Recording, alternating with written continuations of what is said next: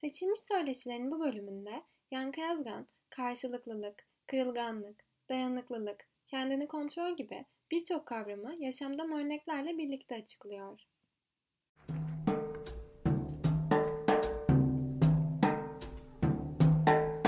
Özellikle bilmemiz gereken şeylerden birisi karşılıklılık ve bağlantılılık duygusunu doğuran durumların e, ya da aktivitelerin iş yerlerinde, okullarda, evlerde net bir iyileştirici etkisi oluyor. Tek başımıza olmadığımızı, hayatın karşısındaki çaresizliğimizi hmm, telafi edebilecek birilerinin olduğunu, olabileceğini e, görmek ve hissetmek başlı başına iyi geliyor. Yine kurumlarda kişilerin sevdikleri ve önem verdiklerine kurumun önem verdiğinin görülmesi de e, yakınlık hissini güçlendiriyor.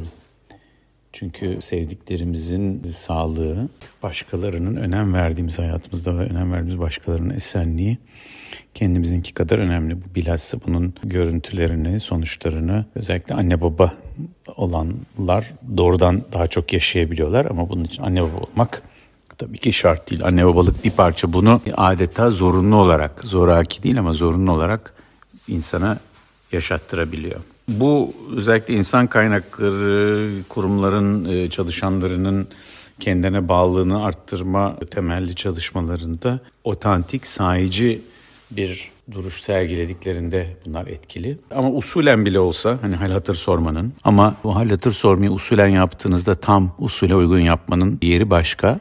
Örneğin nasılsın diye sorduğunuzda karşınızdakinin cevabını beklemek sıra dışı bir cevap geldiğinde, beklenmedik bir cevap geldiğinde ne yapacağınızı hazırlıklı olmak gibi. Bu el sıkışmalar zamanından hatırladığım, örneğin bir topluluk içerisinde nispeten daha kıdemli ya da güçlü pozisyon, hiyerarşik pozisyonda daha güçlü bir yerde birisi geldiğinde kendisi içine büyük bir ihtimalle biraz yükmüş gibi bir duygu içerisinde sıradan bir el sıkmaya girişir. Kendinizi tanıtırsınız, adınızı söylersiniz, elinizi uzatırsınız ama karşınızdaki kişi siz elinizi uzatıp daha elinizi dokunup adınızı söylediğinizde bunu duymadan bir sonraki kişiye genellikle gözlerini dikmiş olur.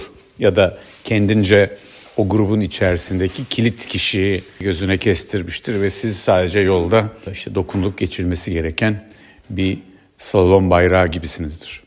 Bu hissi birçok kişi çalışanlarına ya da beraber olduğu kişilere yakın davrandığını, tepsini tek tek eline sıktığını, hatırını sorduğunu, adını sorduğunu söylese bile bunu nasıl yaptığını sınamak bu çok basit beraberlik ve yakınlık göstergesini ne kadar uygun biçimde yerine getirdiğini görmek genellikle faydalı olabiliyor.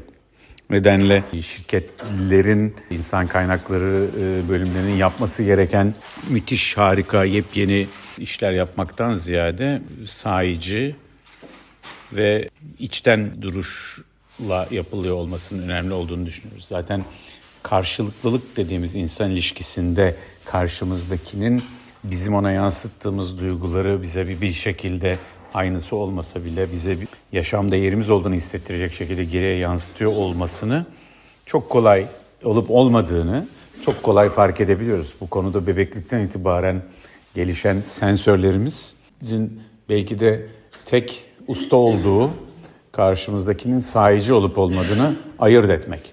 Ha bazen sahici olmasa da bir şeye kanmış gibi gözükebiliriz. Yani orada bunu yutmak diyelim kaba tabirle tırnak içinde bir bireye yakın yani yaptığımız bir durum olabilir. Ama etkisi açısından e, bakıldığında hele böyle kurumsal yapılarda bir bağlılık oluşturma amaçlı bağlılık oluşturmanın bir numaralı etkisinin karşılıklı ilişki içerisinde olmaktan geçtiğini unutturmamalı. Bu mış gibi merhum Doğan Cüceloğlu'nun tanımıyla mış gibi durumlarında. Tabii bu içinde olduğumuz dönemde bilhassa kaygı ve korku birçoğumuzu bir araya getiren bir unsur oldu. Kaygı, korku, dış düşmanımız olan salgın ama salgın hızla başka dış düşmanlarla işte okulları kapatmaya çalışanlar ve açmaya çalışanlar, lokantaları kapalı tutmak tutulmasını önerenlerle açalım rahatlayalım diyenler arasında değişik tipte çelişkiler hızla düşmanlık ilişkilerine dönüştü. Çünkü birbirimizi gözetme, beraberce hareket etmeden çoğumuzun anladığı başkalarının bizim istediklerimizi yapması. Onu beraberce yapmaları. Yani onlardan ayrılmak, kopmak, uzaklaşmak istemiyoruz. Beraber olmak istiyoruz ama bizim istediklerimizin yapılması, bizim uygun gördüklerimizin yapılması şeklinde oluyor. Bunun da gerçek bir beraberlik doğurmadığını hepimiz gündelik hayatımızda son derece yakından biliyoruz. Ama bu tabii ülke ya da kurum çapında olduğunda elimiz kolumuz bağlı gibi hissettiğimiz durumlarda olabiliyor. Bunu aşmanın e, yani gerçek bir yakınlık oluşturmanın yollarından birisi karşımızdakini hatırlamak, kendimiz dışındakiler için bir şey yapıyor olmak ve bunun gücümüze gitmemesi. Onun dediğimi olacak diyen, hep onun dediğimi olacak, hep sizin mi olacak diyen bir küçük çocuğun isyanından farklı bir şekilde en azından kendi çizgimizi korumayı becerebilmemiz gerekiyor. Örneğin birçok insan gelişimi çalışmasının özünün duygu yönetimi ve kendini kontrol becerilerinin gelişmesine dayalı olduğunu biliyoruz. Bu şu anlamda kendi kontrol becerisi örneğin sabredebilmeyi, durabilmeyi, tahammül edebilmeyi, aklımızdan geçeni anında bir fikir şekline dönüştürmeden enine boyuna tartıp konuşmayı örneğin sağlayabilen basit bir beceri. Bu duygu yönetimiyle bir arada çünkü kendini kontrol becerisi arttığı ölçüde serin kanlılık diyelim buna bir anlamda. Dışarıdan gelen uyaranlara bizi bir reaksiyon vermeye zorlayan uyaranlara anında bir reaksiyon verme mecburiyetini bir duygu olduğunu sadece ve bu duygunun bize doğru yol, yol gösterip göstermediğini anlayabilmemizi sağlayan beceri. Beraber olmanın bize kazandırdığı ve duygu yönetimi ve kendini kontrol becerilerinin aktif kullandığımız durumlardan birisi yardım isteyebilme. Yardım isteyebilme birçok durumda kendimizdeki bir eksiği ya da kendi başımıza halledebileceğimiz bir durumun varlığını kabul etmeyi öncelikle gerektiriyor. İstemediğimiz bir işi başkasına yıkmakla sıkça karıştırılsa da, başkasının üstüne yıkmakla karıştırılsa da yardım isteğinde bulunma bizdeki bir kendimizdeki boşluğu başka birinin doldurabileceğini ve bu boşluğun varlığının bizim için kabul edilebilir ama başka biriyle birlikte olduğumuzda giderilebilir olduğunu görmemize de dayalı. E, o nedenle bir eksiğin varlığını kabul etmenin önemli bir cesaret işi olduğunu da burada vurgulamak lazım. Birçoğumuz cesareti başkalarına yaptığımız eylemler üzerinden görürken ben yardım isteme eylemindeki cesaretim kendimize dönük bir eksiğin tanımlanması, kendi kırılganlığımızı, güçsüzlüğümüzü son dönemde anlamlı bir şekilde moda olan fragility e, deyimiyle de daha kabul gören bu güçsüzlüğümüzü ortaya koyma cesareti olarak görüyorum, tanımlıyorum. Bu gözle baktığımızda karşılıklılık güçsüzlüğünüzü ortaya koyabildiğiniz bir yakınlık ortamını da simgeliyor.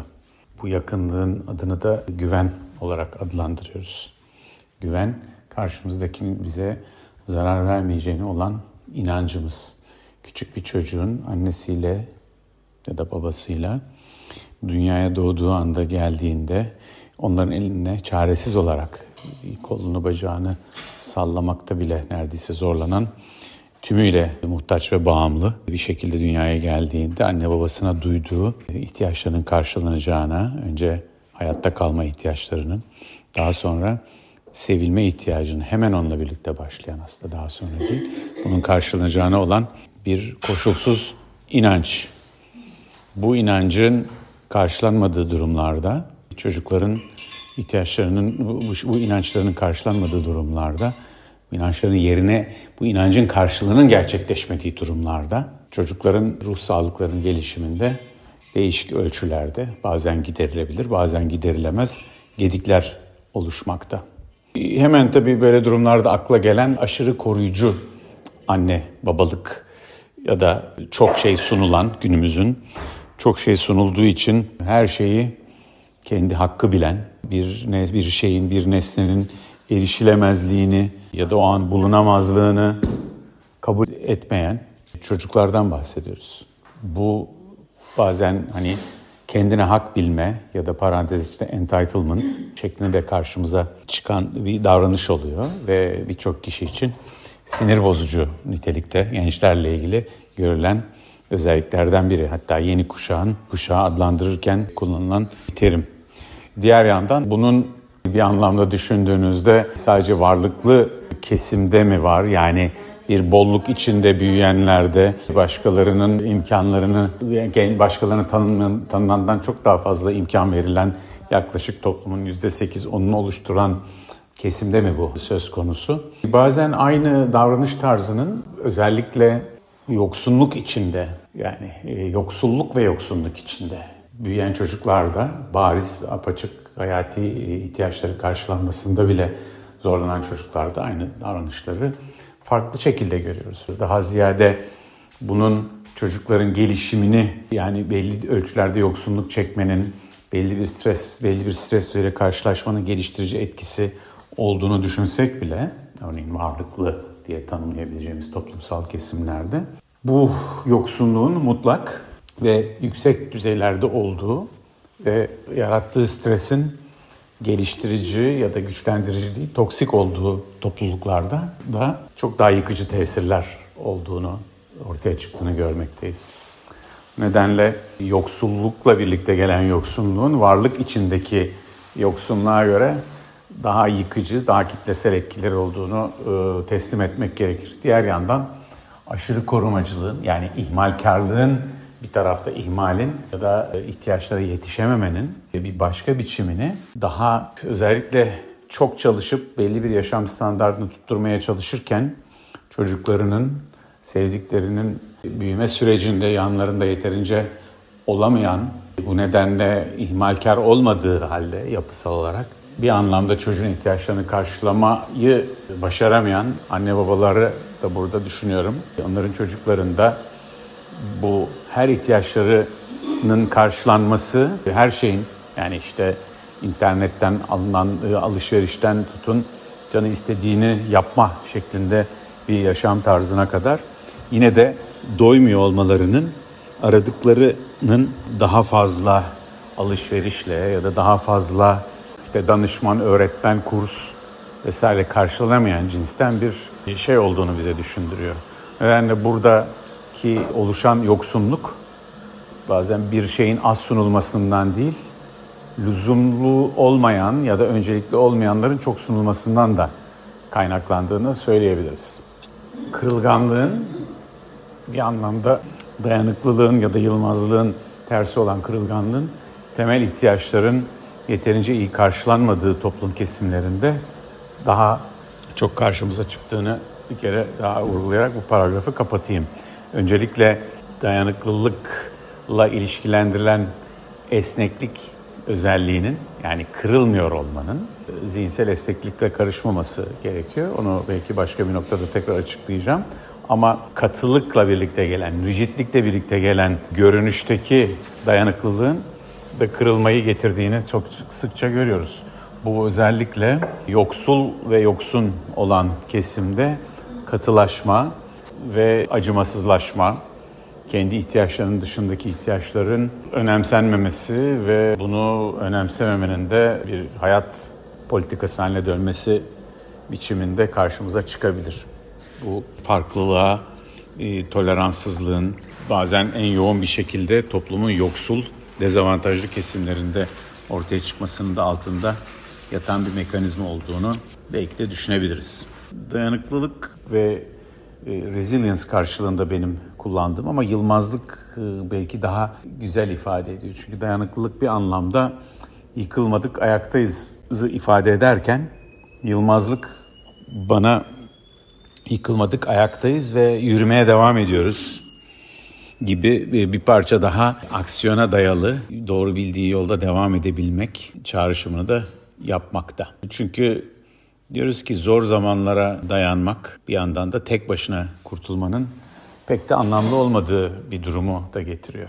Dünyada herkesin yok olup sadece kendinizin kaldığı, onu sağlayacak bir dayanıklılık sisteminin ne kadar etkisi olabilir. O nedenle dayanıklılık bir, bir yerde dayanışmayla birlikte başkalarının dayanıklılığını da arttırma, başkalarının yaşamla yaşamın zorlukları karşısında tutunabilmesine sağlayacak şekilde bir duruş almayı da içeren bir durum. O nedenle bir bireysel özellikten çok bir sistemin unsurlarının birbiriyle ilişkisini, bu bir kurumun dayanıklılığı olabilir, bir ailenin, bir okulun, okul topluluğunun bunu daha çok içerdiğini dayanıklılık kavramını resilience parantez içinde düşünmekteyim. Ve sonuçta resilience'ı yani dayanıklılığı geliştiren biraz önceki dayanışma dayanıklılık ilişkisinde işaret ettiğim gibi başkalarıyla birlikte olmanın bir anlamda bizim insan olmamızı, insan olma sürecinde neler yaptığımızla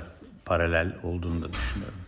İnsan olmak için özellikle insan olmak ve insan kalmak diyelim diye yine tanımlayabileceğimiz bu özellikler bir anlamda gündelik hayatımızın sevgi, ilgi içeren küçük basit detaylarına da dayanıyor. Bu bunları birbirine gösteren insan gruplarının örneğin hal hatır soran, birbirinin bir şey beklemeksizin yani çünkü bunun bir anlamda daha feodal yapılar içerisinde birbirini kollayıcı, basitçe hayatta kalmayı sağlayıcı bir çıkar işbirliğinin ötesine geçen sonucunu hemen almayı hatta hatta kendi hayatı içerisinde, kendi kuşağı içerisinde almayı gözetmeyen bir bakış açısında olduğunu düşünüyorum. Aksi takdirde bu hemşericilik, adam kayırmacılık gibi ilişkileri dayanışmayla bir tür dayanışma olduğunu kabul etmeliyiz. Ama aynı zamanda bir başkasını yok ederek, başkasını saf dışı ederek olan tipte barışçı olmayan bir dayanışmacı tutum olarak etiketlemek belki bu konuşmanın amaçlarına daha uygun olabilir. Diğer yandan kendi yaşamıyla sınırlı olmayan sonuçları hesaba katan insanların dayanışmacılığı dediğimizde günümüz insanının içine sıkıştığı mevcut an dilimi içerisinde her şeyi yapıp bitirme paradigması ne yazık ki elimizi ayağımızı bağlıyor. Şu anda belki beni dinleyen ya da bu yazıyı okuyan kişiler tamam da bunların sonucu ne? Sadede gelelim. Bunu nasıl yaparız? Bir, bunun bir formülü reçetesi var mı? Söylemine kolayca girebilirler ve günümüz şartlarını bir gerçek olarak kabul ettiğimizde, değiştirilemez bir gerçek olarak kabul ettiğimizde hak vermemek de mümkün değil. Akşama ne yiyeceğimizi düşündüğümüz bir zamanda 50 yıl sonra meyve verecek bir ağacı dikip dikmeme tartışması hakikaten anlamsız kaçabilir. Ama bunu yapanların yani dünyanın insanlığın evrimi içerisinde ilerlemenin büyük ölçüde bu şekilde düşünen ve hareket eden insanların varlığına bağlı olduğunu, buna borçlu olduğumuzu düşünüyorum. Toplumun büyük bir bölümünün böyle hareket ettiği bir dönem var mıydı yok muydu? Bunu sosyal bilimcilerin özellikle yayınlarında yazdıklarında çizdiklerine daha iyi görebiliriz ama en azından bizim belki bu konuşmalarda sıkça değindiğimiz toplumun yaklaşık %8-10'luk kesiminin bir anlamda bu konuda belki topluma daha farklı bir toplum örnek teşkil etme, rol oynama gibi bir sorumluluğu olduğunu, toplum içerisindeki ayrıcalıklılığının bir anlamda bazen bu Amerika Birleşik Devletleri'ndeki bazı meslektaşlarımın deyimiyle yeni aristokrasinin ya da teknoburjuvaların değişik terimler kullanılıyor. Bir e, topluma en azından dönüşüm için yapabilecekleri bir katkı olabilir mi acaba diye soruyorum. Bu çerçevede resilience kavramı bir bireyin dayanıklılığının ötesinde bir grubun, bir toplumun, bir topluluğun dayanıklılığı diye görmek mümkün. Birey düzeyinde baktığımızda özellikle stresin, iyi kontrol edilmiş stresin bir tür aşı gibi dayanıklılık yarattığını, daha büyük stresler karşısında gereken problem çözümü çözebilme becerileri konusunda kalkındırdığını biri ve cevabı önceden ezberlenmiş sorularla karşılaşmadığında yeni cevaplar üretebildiğini görüyoruz. Bunun örneğin öğrencilerle pratikte, örneğin tıp eğitiminde uyguladığımız metotlarda aynı cevabı üreten değişik soruları arama şeklinde bir uygulamayı örnek gösterebilirim. Yani bu çok basitçe aslında bir aynı semptomu veren farklı hastalıkları e, düşünmek ve bunların hangisinin o durumda rol oynadığını, hangilerinin neden oynamadığını yani bir ruling out mekanizmasıyla açıklamak, tıbbi tanı koyma ve bir durumu anlama, çözme becerisinin özüdür. Nedenle günlük yaşamda düşünebilme becerisinin gelişmesi, problem çözme anlamında düşünebilme becerisinin gelişmesi, problemin içinde olduğumuz anda özellikle probleme bir doktor gibi dışarıdan bakmanın ötesinde bir problemi yaşayan bir hasta gibi diyelim de bakabilmeyi gerektirir. O nedenle empati ve karşılıklılık becerileri gelişkin, diğerinin açısından bakmayı daha iyi başarabilen, bunun için gereken odaklanma ve kendi duygu kontrol becerilerine sahip hekimlerin bilgilerini hastalarının durumuna daha iyi uygulayabildiklerini onun görebiliyoruz. Başlangıçtaki bu geri bildirimin anında yapılmasına ihtiyaç duyan, e, başlangıçtaki bu şimdiki zamana sıkışmışlık duygusuna da tekrar değinmek istiyorum. Bu Daniel Gilbert'ın Harvard Üniversitesi'nin tanınmış e, psikoloğu, psikoloji profesörü Daniel Gilbert'ın anın gerçekçisi The Momentary Realist diye tanımladığı özellikteki e, günümüz insanları şimdi hemen burada alamadığı sonuç vermeyen birçok durumu yok sayma neredeyse eğiliminde. E, o nedenle şimdiye sıkışmışlığımızdan çıkıp geleceğe bakabilmenin bir yolunun da iyimserlik yerine umutlu olmayı koymakla mümkün olacağını düşünmekteyim.